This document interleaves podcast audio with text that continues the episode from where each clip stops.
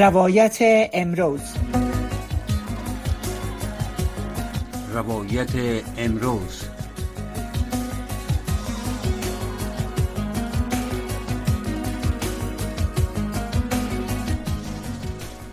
مرا درده است اندر دل که گرگویم زبان سوزد. و اگر پنهان کنم ترسم که مغز استخوان سوزد. شنونده عزیز خوشحال هستم که بیننده ما از طریق ماهواره ستلایت هستین و شننده ما از رادیو آشنا صدای امریکا.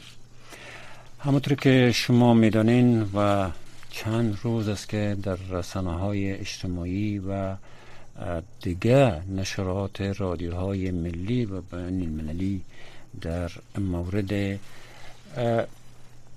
ابدی شدن استوره شعر و ادب افغانستان استاد واصف باختری هر روز و هر ساعت نوشته های جالبی به چشم می‌خوره به نشر می‌رسه که زیادتر تکیه داره بر آثار تکیه داره به ای که واصف باختری یک انسانی بوده که در افغانستان جای خودش برای همیشه ماندگار ساخته. با آثاری که نوشته و با اشعاری که سوریده با پویش که کده. ما در برنامه امروز روی از این نمی پیچیم که چیزایی که شما در رسانه های اجتماعی زیادتر خوندین واصف باختری در ادوار مختلف زندگیش از نظر فکری و سیاسی هم تلاطم ها و تغییراتی داشتم امروز ما رویزی می‌خوایم بحث بکنیم که تأثیر گذاری ای تلاطم ها و افکار سیاسی بخصوص و اجتماعی واصف باختری بر اشعارش و نوشته هایش چی بوده و چگونه طبقه بندی می‌تونه شود واصف از جمله البته واصف باختری از شعرا و نامدارترین نویسنده ها و پژوهشگرایی است که وقتی تنها نامش بگیرین همون کافی است. است که همیشه جاودان است.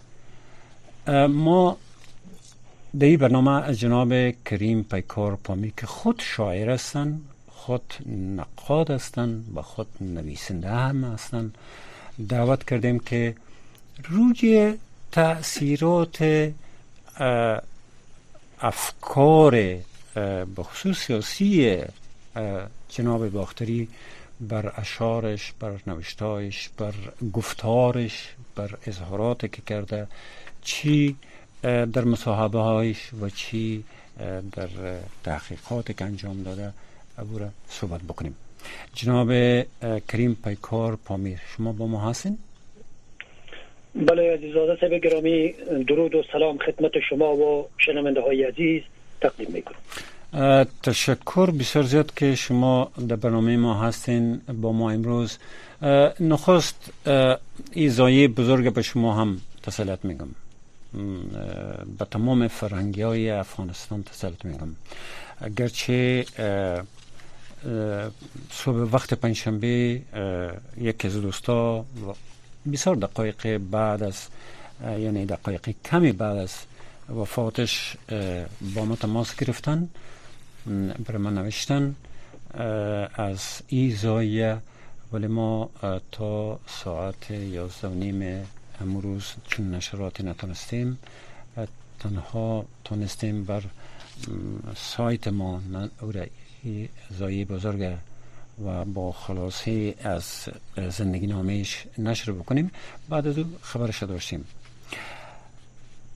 امروز با شما همونطور که گفتم روی تلاطم فکری استاد باختری بر آثارش صحبت می‌کنیم. از نظر شما در قدم اول ای افکار یا تلاطم یا هرچی که نامش هم میمونین شما تغییرات فکری که در ذهن استاد باختری داشته یا بوده به چند مرحله شما تقسیم می‌کنین و چگونه ارزیابی می‌کنین هر مرحله زندیات واصف باختری زندگیش همونطور که سنگین بود و معصر در جامعه ادبی افغانستان همونطور مرگش هم حیثیت گران سنگی را داره که همه را تکان داد و باید هم چنین می بود از مردان بزرگ یا زنان بزرگ در طول تاریخ وقتی مصدر کار و مصدر ایجادگری و روشنگری و رستاخیز فکری و فرهنگی میشن یقینا که با بزرگی باید یادشان بکنیم. استاد باختری هم از جمله بزرگ مردان بخصوص بخش ادبیات یا تاریخ ادبیات سرزمین ما بود.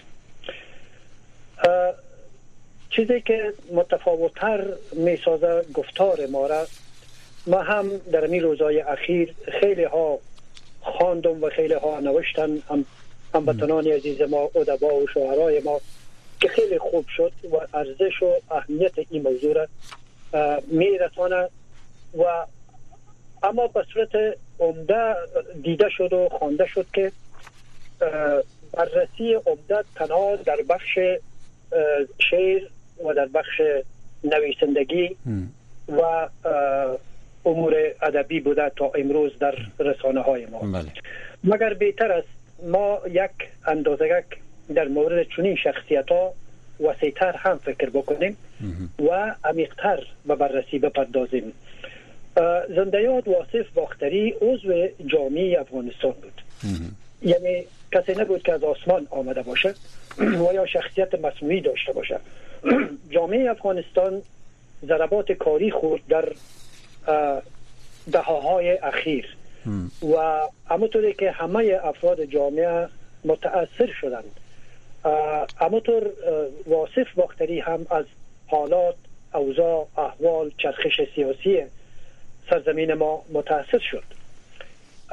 ما می‌خوایم در اینجا شخصیت و کارنامه های زندیات باختری را به دو سه بخش تقسیم بکنم. بخش اول اما دوران جوانی و درس هایش در ولایت باستانی. بلخ رشد فکریش و کارکردهای قلمی شد بخش دوم که بسیار مهم از دیدگاه ما به خصوص بسیار مهم بوده او بخش دهه دموکراسی یا دهه قانون اساسی افغانستان بود که استاد باختنی بسیار متبارز شد. یعنی در بستر مبارزات سیاسی افغانستان هم سهم آگاهانه و با شعور گرفت.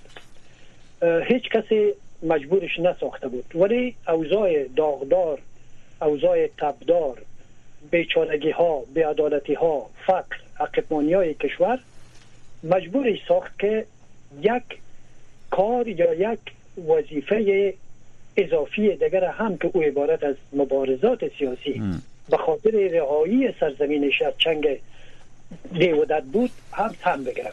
و در این مورد واقعا قدم های استوار گذاشت. تا جایی که من به خاطر دارم در دهه قانون اساسی که همون ده سال اخیر حاکمیت محمد زای شاه بود در کنار سایر نشرات به اصطلاح آزاد یا نشرات شخصی مبارزات و تپیدن ها و سر و صداهای روشنفکرانه. استاد باختری خیلی خوب درخشید. منظور می که در کنار سایر نشرات مبارزاتی و سیاسی و روشنگرانه یکیش هم جریده شوله جاوید بود. تا جایی که به خاطر دارم زندیات باختری نقش عمده داشت در نشریه یا نشرات شوره جاوید و نقش عمده در سرایش اشعار انقلابی و حماسی. و تقریبا الگو بود برای نسل روشنفکر مبارز ما. اشعارش در طی تظاهرات در شهر کابل میخواندن با وجد می آمدن من حیث یعنی شعر تحریک کننده. مثلا وقتی به یادم است که خوانده شد ای سروده زندیات باختری که گفت آن که شمشیر ستم بر سر ما آخته است. بله. آن که شمشیر ستم بر سر ما آخته است. خود گمان برده که برده است ولی بماخته است. های میهن بنگر پور تو در پهنه رزم. های میهن بنگر پور تو در پهنه رزم. پیش سوفار ستم سینه سپر ساخته است. این سروده زنده بود که در او زمان دست به دست می شد و زبان به زبان و در جمع های روشنفکران خوانده می شد. اگر دیگه موضوعات خامخا یک لحظه فراموش بکنیم همین سروده و سایر سروده های حماسی زنده یاد باختری را ما نمونه از رشد فکری نمونه از تفکر و اندیشه عمیق انسانیش می‌دانیم. هرچند در بخش سیاسی و مبارزات همو ده سال اخیر سلطنت خان اوج فعالیت های سیاسی و فکری و سروده های انقلابی این مرد بزرگ بود.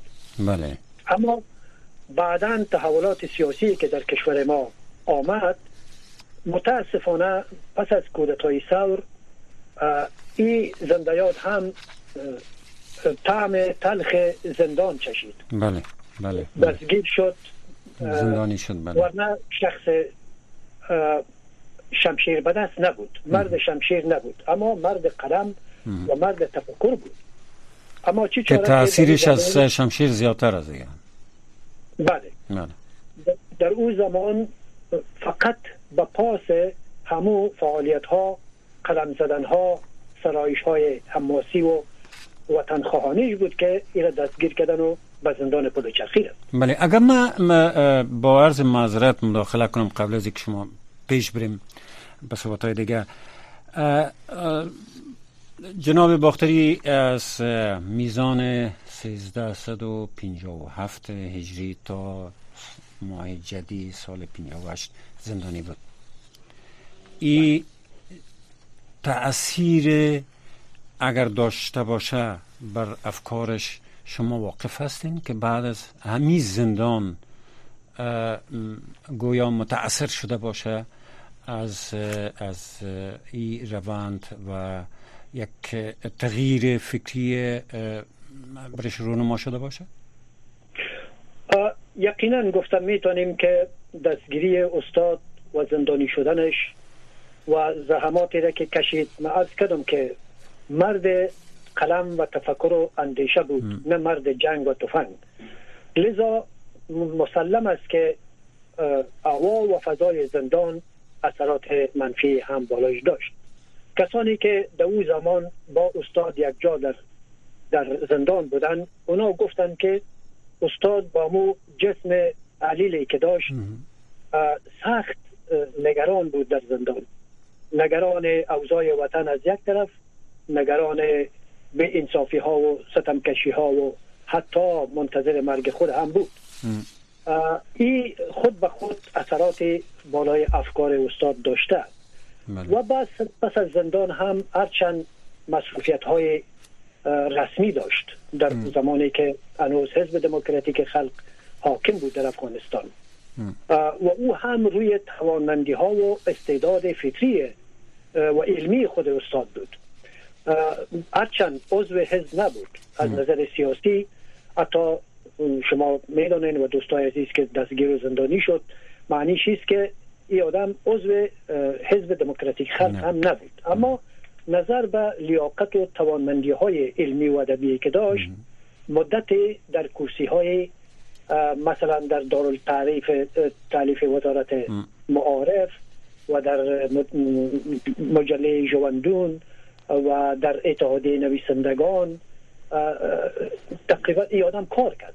اما فرق می‌کنه. یک رقم کار کردن است که بعضی ها همچنان کار کردن ولی آیسته آیسته عضویت حزب به سر اقتدار به دست آوردن بله. و یا از قبل عضویت در حزب داشتن و کاملا همه توش و توان خودشانه در راه بقا و نجات رژیم به کار می بردن اما از اثبات طور دیگه بود. کار خود می‌کرد در بخش مسلک خودش. انگلیسی بسیار خوب می‌دانست چون درس خود در امریکا خوانده بود. بله. از university کلمبیا فارغ شده بود بله. و امو دلیل هم بود که غالبا اشعار اروپایی را ترجمه می‌کرد و توانمند توانمندی های ترجمانی داشت همچنان بله. و اما تغییرات یا تحولی که در ذهن و زمیر استاد آمد دو چیز بود یکی از مبارزات جمعی و یا سازمانی و یا تشکیلاتی بریدن که استاد از هواداران شوره جاوید بود و با این گروپ یا این جنا برید. به این نتیجه رسید که به این ترتیب مبارزه خودش ممکن به این نتیجه رسیده باشه که نتیجه آنچنانی در کشور ما نخواهد داشت. بنابراین خودش تصمیم گرفت که با تنهایی خودش با استقلال کامل و با افکار و برداشت هایی که داشت به کار خود ادامه بده که ادامه داد. چنان که نتیجه این کارهای تحقیقی و تطبوعی و خصوصیش ایجاد یا تر چندین جلد یا چندین عنوان کتاب شیری بله. و چندین کتاب غیر شیری بود که خوشبختانه امروز به اختیار فرزندان وطن ما قرار داره بله مثلا امی اگر توجه کنین به عناوین مجموعهش آثارش آفتاب نمی میرد. از میاد تا هرگز از این آینه بش... از این آینه بشکسته تاریخ دیباچه در فرجام. تدایی می‌کنه نوع از مبارزه را. وقتی شما میگن آفتاب نمی میرد می‌تونه تفسیر بسیار ایستادگی و رزم و مبارزه را هم تدایی بکنه به ذهن خوانندهش. بله باید در این بخش جناب عزیزان دو نقطه را مد نظر بگیریم. یک عنوان گذاری و یا سرایش شعر به این شکل که در متن خودش در متن اشعارش همیشه نوع مبارزه روشنگری و زدیت با استبداد و عقبگرایی وجود داشت. موج می‌زد. و دوم استاد در سرایش اشعار خودش استعارات بسیار عالی را به کار برده بود و به کار می برد و از جمله مثلا استوره می ساخت در شعر خودش. زیادتر وقتی اشعارش مرور می‌کنیم استوره در درون اشعارش موج می‌زنه و استعاراتی را که به کار می‌برد بسیار بکر است. تازگی دارد. به او دلیل این آثار استاد گرد چند گاه گاهی برای خواننده یک نوع سقلت ایجاد می‌کنند در فهمش و در تعبیرش و در تفسیرش. اما چون استاد استعدادش به مو حد شگوفا بود که می‌تونست بالای این سهارات واژه ها و آنچه که با عنوان استوره می سرود حاکم بود. توانمند بود.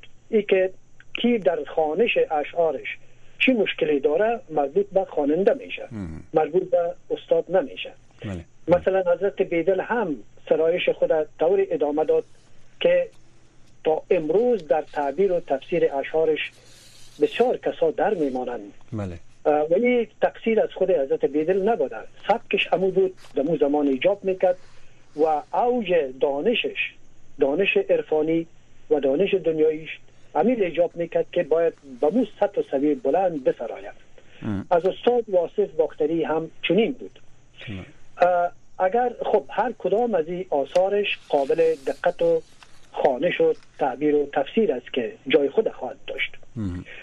اما تاثیر استاد نه تنها در بخش ادبی بلکه در بخش مبارزاتی هم یقین کامل دارم که بالای نسل جوان مبارز ما در او روز غیر قابل انکار است. همچنان نوشته های بسیار بسیار قدرتمندانه چون به حیث یک نویسنده توانمند هم تبارز کرده بود سبک نگارش بسیار عالی داشت. همچنان چیزی که بسیار مهم است و باید را یاد کنیم او رسایی کامل فکری یا ذهن و یادداشت های استاد است. آنقدر ذهین بود آنقدر افکارش منسجم بود و آنقدر منظم صحبت می‌کرد که هیچ وقت از امو چارچوب خاص سخن و بیان و بدی بیرون نمی‌شد. بله. وقتی شعری را می‌خوان از یکی از پیشکسوتان دنیای شعر و ادب می‌دیدیم که تا آخر این شعر از یاد می‌خواند بدون یاد داشت و در هر مورد مثال هایی داشت. این قدرت حافظه بله. از اسناد واقعا نظیر بود و یکی از مشخصات شخصیت از یادم بود که مانند استاد در ای در, در ای بخش کمتر کسی را ما داریم یا داشتیم. بله. همچنان در بخش های ادبی میشه با صراحت و با جرأت بگوییم که زندیات واصف باختری از جمله شاعران مسلم و استاد مسلم در منطقه بود نه تنها در افغانستان. یکی از یعنی پیشرفترین کسایی که بوده که در شعر نو فارسی هم دست بسیار باز و وسیع داشته. بله؟ کاملا. یا اینطور می‌تونیم حتی بگوییم که استاد واصف در تکامل شعر نیمایی در افغانستان. دست بلندی داشت و کارهای خوبی را انجام دادن همیشه از پیشکسوتان شعر و ادب شناخته شده احترام می‌کرد یاد می‌کرد و حتی پیروی می‌کرد. شعر نیمایی را اگر در ایران به وجود آمد در قدم اول به میدان کشیده شد ولی در افغانستان تعدادی از شاعران ما که البته اسمشان امیال شاید فراموش ما شده باشه که مکملا ندانیم اینا هم به سهم خودشان به خصوص استاد واصف مصدر خدمات زیادی شد یعنی شعر نیمایی را در افغانستان به رشد و قوام رساند بله. بله. ما این ای اداره می‌تونیم با جرات بکنیم و داشته باشیم. شما یاد کردین از تغییر فکری استاد باختری و به سه دوره تقسیم کردین. رشد فکری جوانیش دهه دموکراسی افغانستان و مبارزات سیاسی که کردن.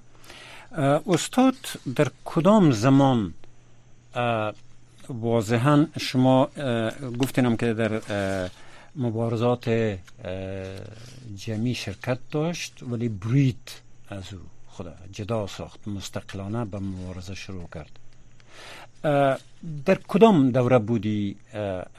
تحول از از استاد با واصف باختری و چطور با کدام آثارش می‌تونین شما نمونه بتین و از کدام زمان این تحول شروع کرد؟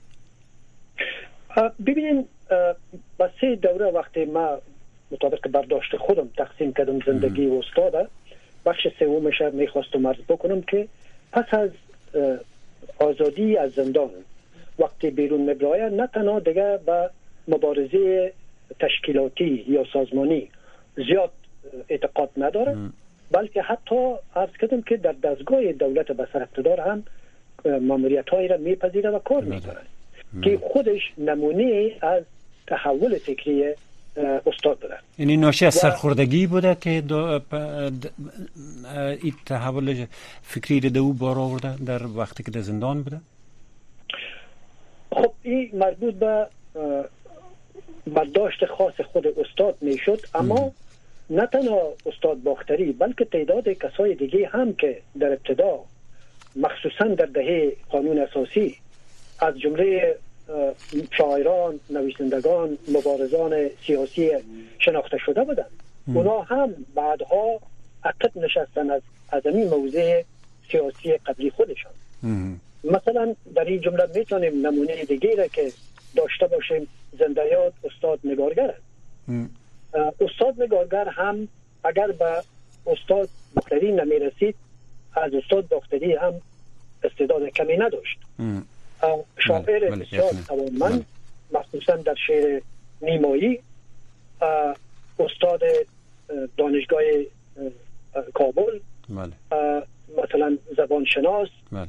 آدم ادیب و سیاسی بود. بله. اما پس از زندان او هم همی راه و روش قبلی سیاسی خود تغییر داد. یک نوع تحول فکری برش دست داد و کارهای خود بدون دخالت در جمعها جمعهای سیاسی یا جریانات یا احزاب سیاسی ادامه داد و بعدها حتی در اواخر بل بلکه به کلی به سمت نوی تصوف عارفانه رفت و بله. بله. اما با یک تفاوت با یک تفاوت که من دینمی نقطه می‌خوایم یک تفاوت فی بین استاد واصف باختری و استاد نگارگر داشته باشم و عرض کنم. او عبارت عزیز که زندیات واصف وقتی از فعالیت های سیاسی اوریان و جدی خود می‌بره دیگه نه با قلم نه با زبان. تحریم یا تخریف یا یا توهین نمی‌کنه به هیچ کسی. با احترام برای رسم قبلی خودش و دیگران به کار خود ادامه میده بله. اما اما جناب نگارگر زندیات نگارگر با یک تفاوت جدا شد از این گذشتهای خودش. نه تنها جدا شد بلکه یک سلسله از نوشته ها اعتراض ها و تعنه ها و کنایه ها را هم به جانب همون شهدایی که قبلا با اونا مبارزه می‌کرد وارد کرد.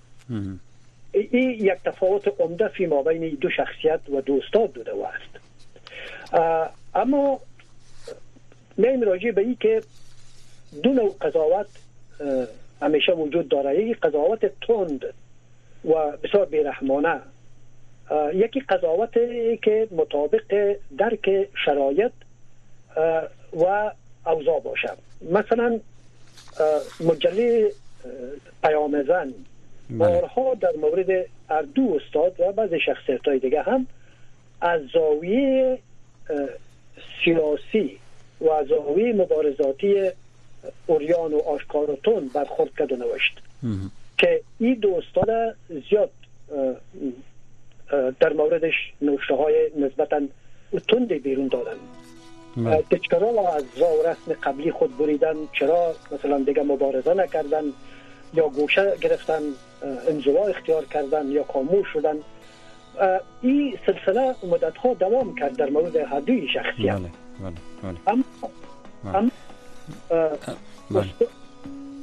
جناب پیکار صاحب با معذرت زیاد که وقت برنامه ما رو به اختتام است در مورد جناب واصف باختری و شعرای دیگه که در افغانستان هنوز قلم می‌زنن باید زیاد گفت و زیاد نوشت.